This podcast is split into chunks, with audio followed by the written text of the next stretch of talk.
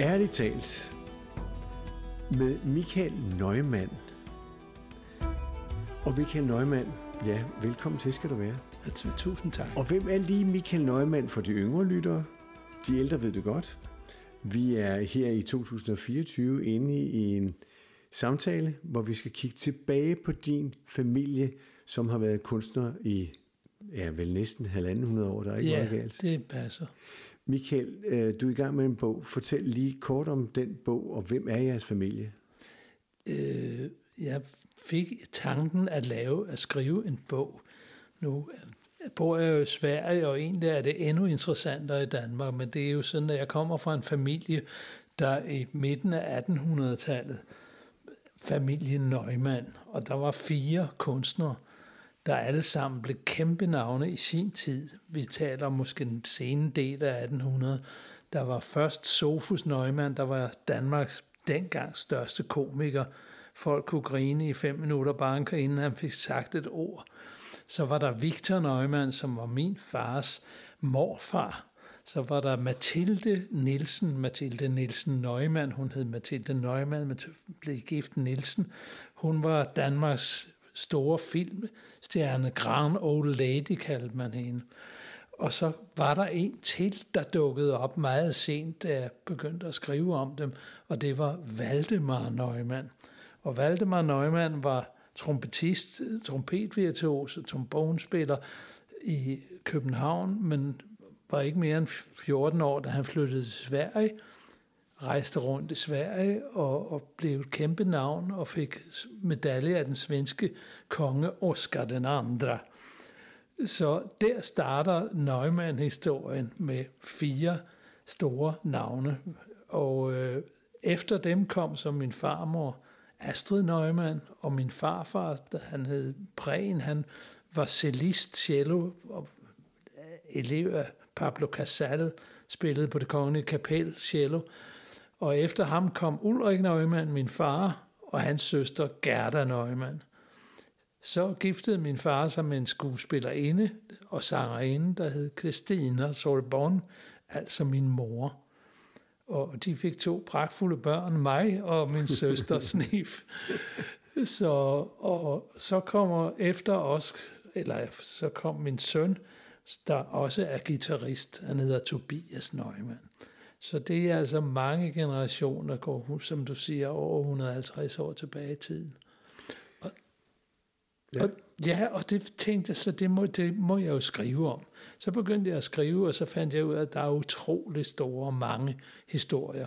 Og selvfølgelig nogle, nogle highlights omkring fars Ulriks samarbejde med Alice Babs og Svend Asmussen i gruppen Sweet der jo frem for alt her i Sverige er meget, meget omtalt stadigvæk. Blandt den ældre generation selvfølgelig. De yngre, de kender det ikke. Og Sweet hvad var de karakteriseret ved? Ja, det var jo humor. Altså musikalsk, musikalsk humor. Det laver man jo ikke rigtig længere. Man laver sjov med musik, og man blander det seriøse med det, med det morsomme. Og det var en, en skøn form, som faktisk allerede far og Svend Asmussen og Gerda lavede, hvor de også sang tre stemmer og lavede parodier og legede med musik. Og det var vel varemærket også for Sweetens og en utrolig musikalitet. Det var meget perfekt sunget og spillet. Ja. Men det var også humoristisk sat op. Ja, det var det. Glimt i øjet. Ja, lige netop. Og, øh, og optræden på scenen var, var meget udadvirkende også. Ja, det var det. Det var meget, altså det var meget, men det var aldrig show-off. Det var altid sådan en, altså det skulle være morsomt, men det skulle også lyde godt. Og de var jo perfektionister alle sammen, så der var jo en høj, høj kvalitet. De har også været rejst verden rundt jo. Ja, de, det er faktisk sådan, at de, de blev kendt i hele verden. Min datter arbejdede på uh, Virgin i London på pladeforretningen, og, og der kom folk op, og det var jo det er 30 år, 40, 30, 40 år senere, og spurgte efter plader med Sweet Og så siger hun, det er min farfar. Det, det var meget skægt. Ja. Men vi må også sige, at den næste generation, altså med din far, de blev jo også berømte. Ja, så begyndte vi jo, da far og, og Svend og, og, og gik fra hinanden, så begyndte far at synge med min søster Snif. Og de blev faktisk et stort navn i Tyskland, for de havde nu et nummer, der hed Tysk Grammatik, hvor de sang om de tyske prepositioner på en, også på det humoristiske måde, men også meget musikalsk. Det blev stort i Tyskland, så vi, da jeg så kom med nogle år senere, så var vi meget i Tyskland, og var med i alle de store tyske underholdningsprogrammer, og, og så rejste vi i fra til i 20 år med far i vores gruppe, som vi kaldte tre gange Neumann. Og det var så Snif og Ulrik og Michael. Og det var vel ikke kun i Tyskland og i Danmark? Nej, det var det ikke. Vi var faktisk mange steder. Vi var jo, vi var jo meget selvfølgelig i hele Norden, men så var vi altså også i det fjerne Østen, og vi var i Afrika, og vi var i Spanien, og vi, ja, Gud ved hvor Holland, og vi havde egne programmer, og der var virkelig fart på. Så når mine børn spørger mig, hvor har du været, så kan jeg sige, når det gælder Sverige og Danmark og Norge, så har jeg været overalt. Ja. Hvordan var den tid for dig? Ja, det var jo, altså, på en eller anden måde var det jo sådan, at jeg øh, lidt naivt troede, da jeg startede, at man var en del af det. Jeg forstod ikke rigtig billedet af, at det var, det var far med sine to børn. Jeg synes ligesom, at det var, det var mere end det, og vi arbejdede meget, vi prøvede meget. Det var, far var meget omhyggelig med alle arrangementer, og skrev nogle fantastiske arrangementer, som var meget komplicerede, og lød aldeles glimrende, som vi jeg stadigvæk har været kigger på. Så for mit vedkommende var det jo, plejer jeg at sige, jeg begyndte 30 år for sent, fordi det var swingmusik, det var folkmusik, og det var klassisk musik, men det var ikke rock and roll, og det var ikke Beatles og, og Stones og sådan noget. Af den simple grund, at far ikke kunne lide det. Altså, hans musik var, var jo en anden tid, og så, så blev vi jo, både Sniff og jeg, farvet af det. Og selvfølgelig må jeg indrømme ærligt talt, at jeg stadigvæk elsker swingmusik, og elsker den form for, og akustisk musik, meget guitarmusik selvfølgelig, da jeg blev en rimelig god guitarist, der far viste mig. Det var ikke undervisende, det var mere sådan designer, man fik af far. Vi skal lige komme tilbage til, hvad du uddannede til, men jeg tænker på, på publikum, I kom rundt til. Var det alle aldersklasser, der lyttede dengang? Ja, dengang synes jeg, det, det, det var det faktisk. Altså selvom det, det, man kan sige, at vi var lidt ude af, af kurs på den måde, at vi havde smoking på. Far krævede, at vi havde smoking, og det kunne yngre mennesker stå og grine lidt af, at der, en ung mand på 19-20 år kommer ind i smoking og sådan noget. Det var jo, det var virkelig ydt, da det gav dem i rocktiden og i 70'erne der. Hvordan havde du med det? Jo, jeg følte, jeg følte mig lidt kårende nogle gange. Det skal jeg ikke. Det, det, jo, det gjorde jeg. Men, og jeg forstod heller ikke, og det kan jeg ærge mig lidt, jeg forstod ikke, hvor godt det her var. Altså når jeg hører nogle gamle indspilninger, vi lavede fra den tid, hvor, hvor, hvor godt vi sang, for vi sang så meget. Altså du ved, vi prøvede utrolig meget, og vi rejste rundt. Vi havde over 250 job om året. Og det var, dengang var det jo ikke de der kæmpe penge for vores, men vi levede pænt af det, og, og, men vi sang og sang og sang. Og, det, og når man synger så meget, så bliver det så tæt.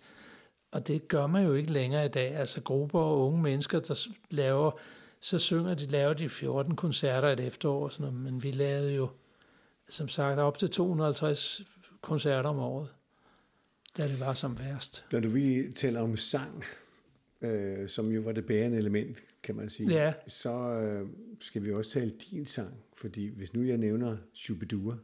Ja, ja, det er jo før far og, ja. og Snif. Der er vi tilbage, da vi var 17 år, der spillede jeg med en gruppe, som vi kaldte Stewballs stewballs. Der var nogen, der sagde, at det var for meget stew og for lidt balls. men, men stewballs, det var altså, det var øh, trommeslageren, trommeslagerne, der siden, sidenhen blev øh, med i Shubidua Bosse. Han spillede, og så var der øh, Paul Meindorf, der spillede sologitar i vores gruppe. Han kom også med i Shubidua. Men jeg kom, kom aldrig med i den, fordi jeg begyndte at spille der, lige i det brud mm. der med far og snif. Men øh, Jeg kan huske, at de, der kom nogen og fortalte mig om Shubidoo, og sagde, hvem, hvem er det? Jamen, det er jo Bosse og, og mange. Jeg sagde, jamen, de kan jo knap nok spille. Hvordan kan de være verdensberømte i Danmark? Og så var Claus Asmussen, Svend Asmussens søn, som er en af mine allerbedste venner, han var så også involveret i det der. Så, øh, og så blev det jo, de blev verdensberømte i Danmark. Ja, det må man sige. Men tilbage til dig og til jer, fordi øh, godt nok bor du lige på den anden side af Øresund i dag, men du er jo opvokset i København. Ja, jeg er gammel københavner, ja. med alt, hvad det vil sige. Ja. Og jeg elsker København, og jeg kan også savne det. Nu er jeg gift med en svensk kvinde, så derfor blev det Sydsverige i stedet for Danmark. Så, øh, men til jeg var 17 år boede vi i København, og så havde vi vældig meget at lave. Altså til jeg var en 4-25 var vi meget i Danmark også. Og ældre mennesker kan jo huske nøgmænderne og tre gange nøgmænd og sådan noget. Her i Sverige var vi faktisk også meget, meget rundt i hele landet. Men det blev aldrig lige så stort, som det var i Danmark. Det gjorde det ikke i Sverige. Og hvis vi skal kigge tilbage på din ungdom og din musiklyst, samler det så fra et gen, tror du, i familien? Ja, det gør det. Absolut. Fordi da jeg fik min første guitar, der var jeg immer væk 15-16 år. Der var jeg jo meget... Altså, jeg spillede og spillede og spillede. Og så begyndte far at vise mig noget, og så begyndte jeg at spille klassisk guitar i stedet for at sidde og banke på den og sådan noget. Så jeg var meget flittig og, og blev grebet af det. Jeg blev fuldstændig... Altså, man spillede og spillede og spillede. Så, så den klassiske musik faktisk var noget i dig? Uh, ja. ja. I højeste Og ja, det var, jeg spillede jo alle de der stykker, som far havde øvet sig på af Johann Sebastian Bach og øh, Segovias øh, transkriptioner, og min mor har så hørt min far spille de der i 20 år, og så kommer hendes søn, og så spiller han de samme stykker om og om igen. Ikke?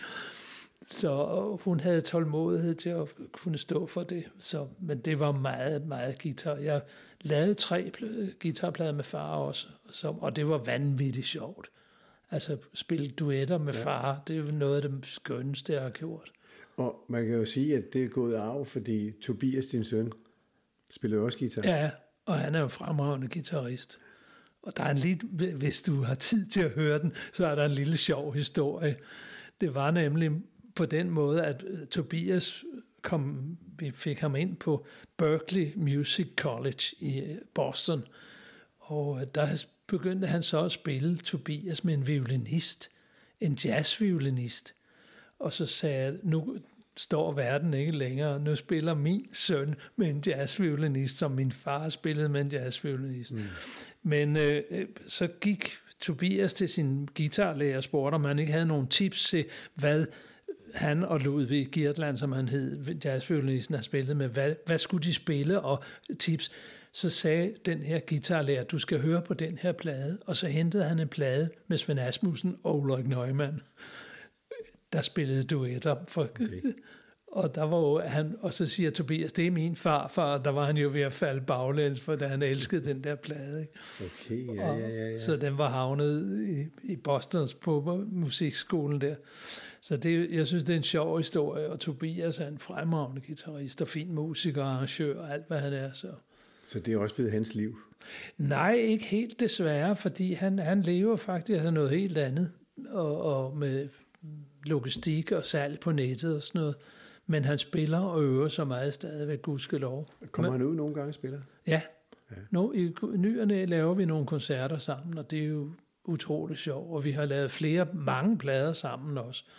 Og på den sidste plade, jeg lavede, øh, jeg siger sidste, fordi CD-plader er jo mm. et kapitel, for der er overstået, men øh, der var, spillede jeg ikke guitar, jeg synger kun, og så er det ham, Tobias, der spiller alle guitarerne. Men I har jo spillet sammen, du og ja, Tobias. det har vi.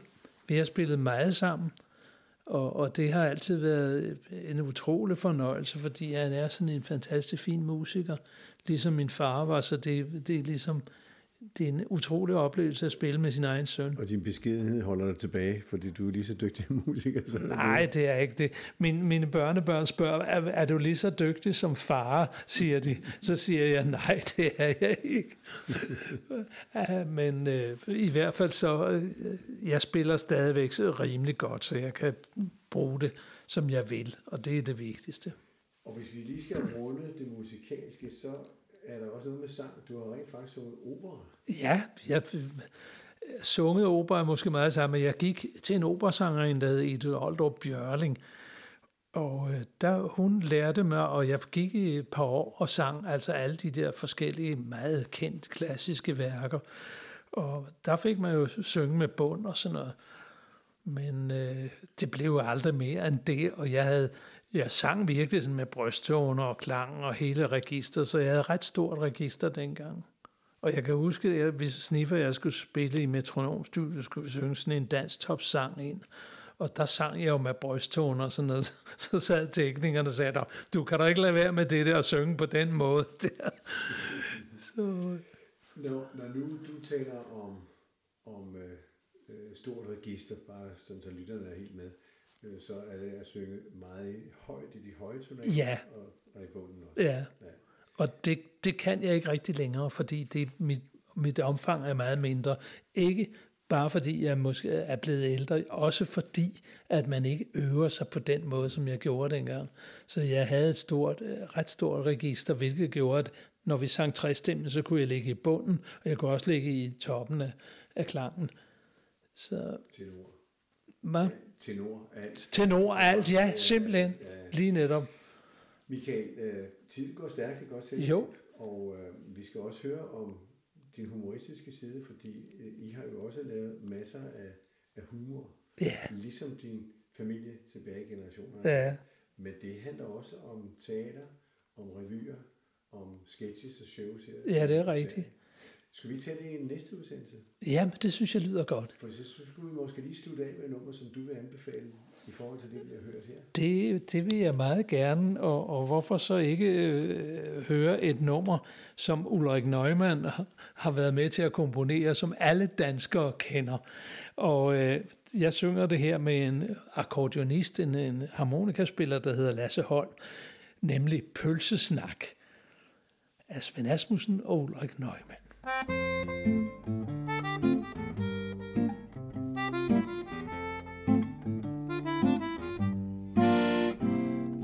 vigtigste i livet er jo kærlighed og mad, og det er det vigtigste, hvordan det bliver serveret.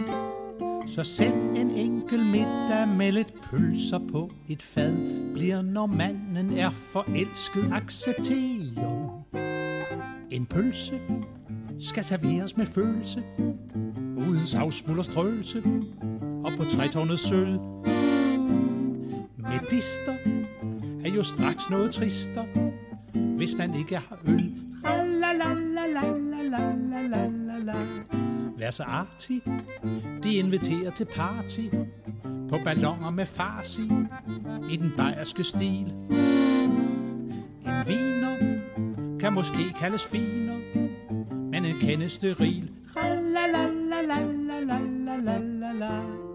De lange røde fine i sovs brillantine med pomme de la kusine.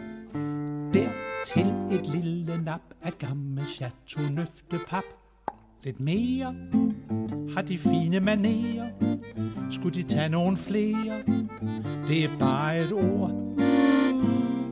En pølse skal serveres med følelse på et veldækket bord. Tralalalalalalala.